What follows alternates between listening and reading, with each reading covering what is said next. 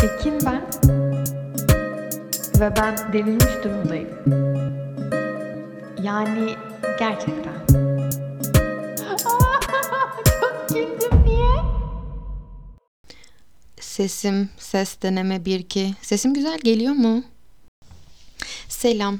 Çok ani bir şekilde ben geldim.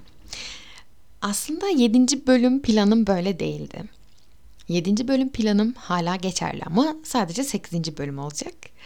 Hmm, Bana ani bir ilham geldi. Ve delirmiş durumdayım benim ağlama duvarım olduğu için. Ağlayarak günlüğüme yazmak yerine ağlayarak podcast kaydettiğim için. Şu içimdeki alev sönmeden bir kaydedeyim dedim. Aslında keyfim yerinde. Keyfim çok uzun zamandır olmadığı kadar yerinde. Çünkü bir kere Ankara'dayım ve artık okula gidebiliyorum. Arkadaşlarımı görebiliyorum ve üniversiteli olduğumu hissedebiliyorum. Ama baktığımız zaman, geriye baktığımız zaman dönüp çok kötü bir süreç geçirdik. Yani pandemi diye bir şey geçirdik ve gerçekten berbattı. Yani hala geçiriyoruz ama sanırım eskisi kadar yoğun geçirmiyoruz. En azından ben eskisi kadar yoğun geçirmiyorum. Çünkü iki doz aşı oldum aşınızı olun. Lütfen aşınızı olun bu arada. Dayak yersiniz benden. Her neyse. Ee, bu pandemi süreci boyunca zaten hani anksiyeteye meyilli olan beynim iyice coştu. Ee, ve ben bir psikiyatriste gitmeye karar verdim.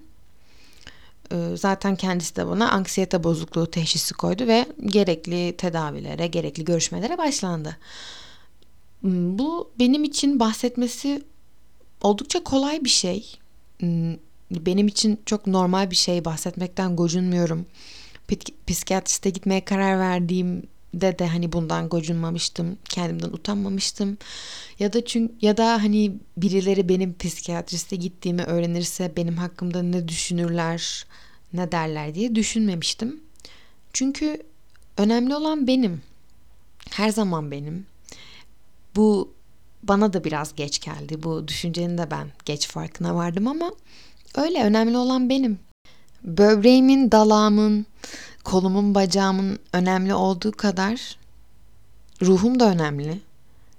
Ben kendime bakmakla sorumluyum. Ben kendime iyi bakmazsam renkleri daha canlı göremem. İnsanları sevemem. Koluma, bacağıma, ciğerime, böbreğime önem göstermem, özen göstermem gerektiği kadar ruhuma da önem ve özen göstermem gerektiği bilinci bana tam olarak ne zaman geldi bilmiyorum. Ya da kim tarafından, kimler tarafından bu konuda bana e, rehber olundu bilmiyorum. Ama ailemin olmadığı konusunda eminim maalesef. Bu bir saldırı değil, bu bir ateş değil. Hmm, Çünkü biliyorum onların da anneleri, babaları bu konuda ne kadar bilinçliydi. Bu konuya ne kadar önem veriyorlardı bilmiyorum. Ki büyük ihtimalle verilmiyordu. Bu sadece benim ailemde, benim çevremde olan bir şey değil diye tahmin ediyorum. Büyük ihtimalle yaşadığımız coğrafyanın çoğunluğunda e, insanlar bu tarz şeylere ayıp, utanılması ve saklanması gereken şeyler gözüyle bakıyorlar. Bu beni gerçekten şoklara uğratan ve sinirlendiren bir şey. M, Bizden önceki nesil yani bizden kastım Gen Z. Evet Gen Z, Z jenerasyonu. Z jenerasyonundan önceki jenerasyonlarda benim gördüğüm, benim gözlemlediğim tamamen m, hastalık e, sadece şeyden ibaret, fiziksel şeylerden ibaret. Kan işiyorsan sağlıksızsındır, böbreğinde bir şey vardır. Nefes alamıyorsan akciğerinde bir şey vardır, sağlığın bozulmuştur. Ama ruhunun e, zarar görebileceği, ruhunun yaranabileceği ve bunun tedavisinin olduğu onlar için tamamen yok sayılan bir şey. Çok arka plana atılan ve çok korkulan bir şey.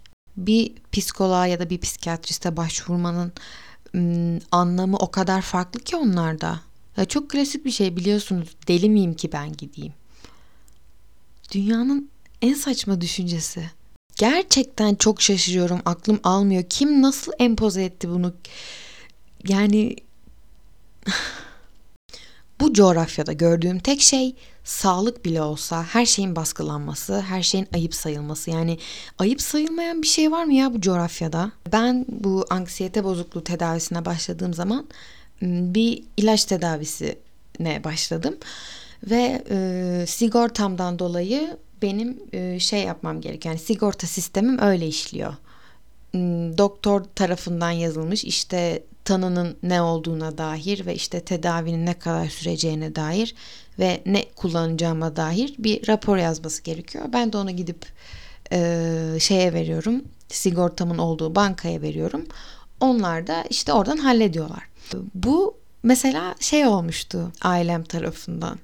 Hani acaba şey mi alsak hani sigortadan almasak mı çünkü hani bu sonuçta kayıtlara geçiyor ve senin böyle bir tedavi gördüğün kayıtlarda olacak ileride bu e, senin iş hayatında sorun açar mı gibi bir ikilemde kalınmıştı. Gerçekten çok şaşırmıştım.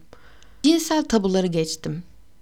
Orası da ayrı bir muamma. Orası da hmm, saçma ve aklımın almadığı konular. Ama bu psikoloji konusu nasıl tabu haline geldi? Nasıl tabu haline getirildi? E tamam bu coğrafyada her şey tabu haline getirilebiliyor çok kolay ama nasıl ya? Nasıl yani?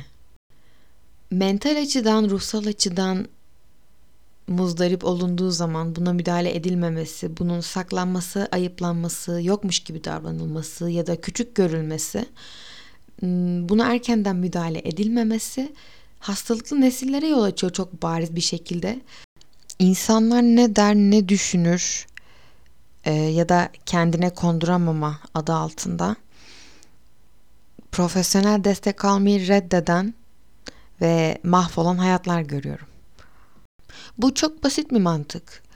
Çocuk ailesinin değerleriyle büyür, ailesinin ona öğrettikleriyle büyür. Bir yerden sonra bu onun doğrusu olur ve bir bilmiyorum, alışkanlık haline gelir.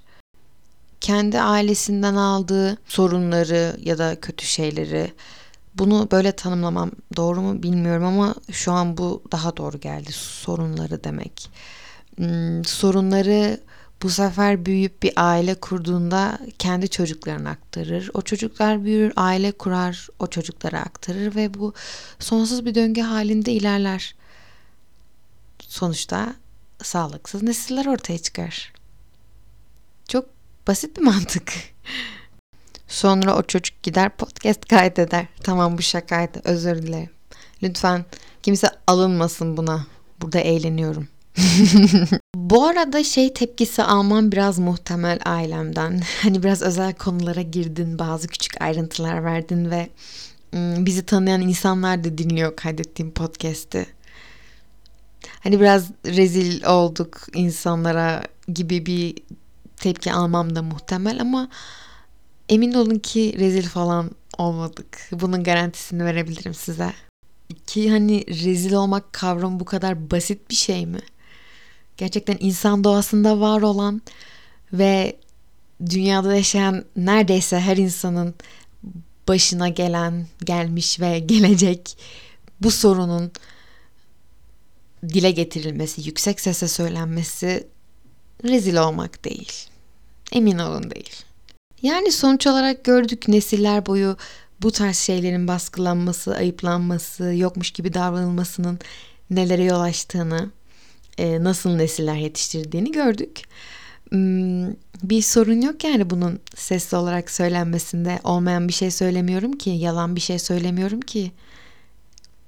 Popomdan uydurmuyorum ki kendine iyi davranmanın, kendine bakmanın her türlü hem fiziksel hem ruhsal olarak hiç utanılacak bir yanı yok. Bu podcast'i dinleyen sayın dinleyici lütfen kendinize iyi bakın. Her türlü mental olarak da, ruhsal olarak da, fiziksel olarak da. Hmm, bir şeylerde profesyonel destek almak benliğinizden hiçbir şey götürmüyor erkekliğinizden ya da kadınlığınızdan ya da bilmiyorum hani tırnak içinde söylüyorum bunları. Kendinizi artık hani ne olarak hangi kategoriye koyuyorsanız sizi siz yaptığını düşündüğünüz şeylerden hiçbir şey götürmüyor. Tam tersine daha güzel olmanızı sağlıyor, daha iyi olmanızı sağlıyor. Kendinizin en iyi versiyonu olmanızı sağlıyor. Ya böyle işte umarım derdimi ifade edebilmişimdir. Şeyi kaybetmemek için, kafamdaki düşünceleri kaybetmemek için bir metin hazırlamadım. Normalde ben bir metin hazırlayıp onun üzerinden çalışarak konuşuyorum. Ee, çok fazla ığladığım ve çok fazla durakladığım bir bölüm olmuş olabilir. Ama sanırım arada böyle küçük bir bölüm yapmak güzel olabilir. Bazen farklılıklar güzel olabiliyor. Böyle kendinize iyi bakın lütfen. Ve hiçbir konuda destek almaktan ya da kötü olduğunuzu söylemekten, yardıma ihtiyacınız olduğunu söylemekten çekinmeyin. Tamam belki bazen bu zor olabilir, bunu dile getirmek zor olabilir. Ama lütfen deneyin. En azından deneyin. İyi geceler, kendinize iyi bakın. Ekin ben. Ve ben delirmiş durumdayım. Yani gerçekten.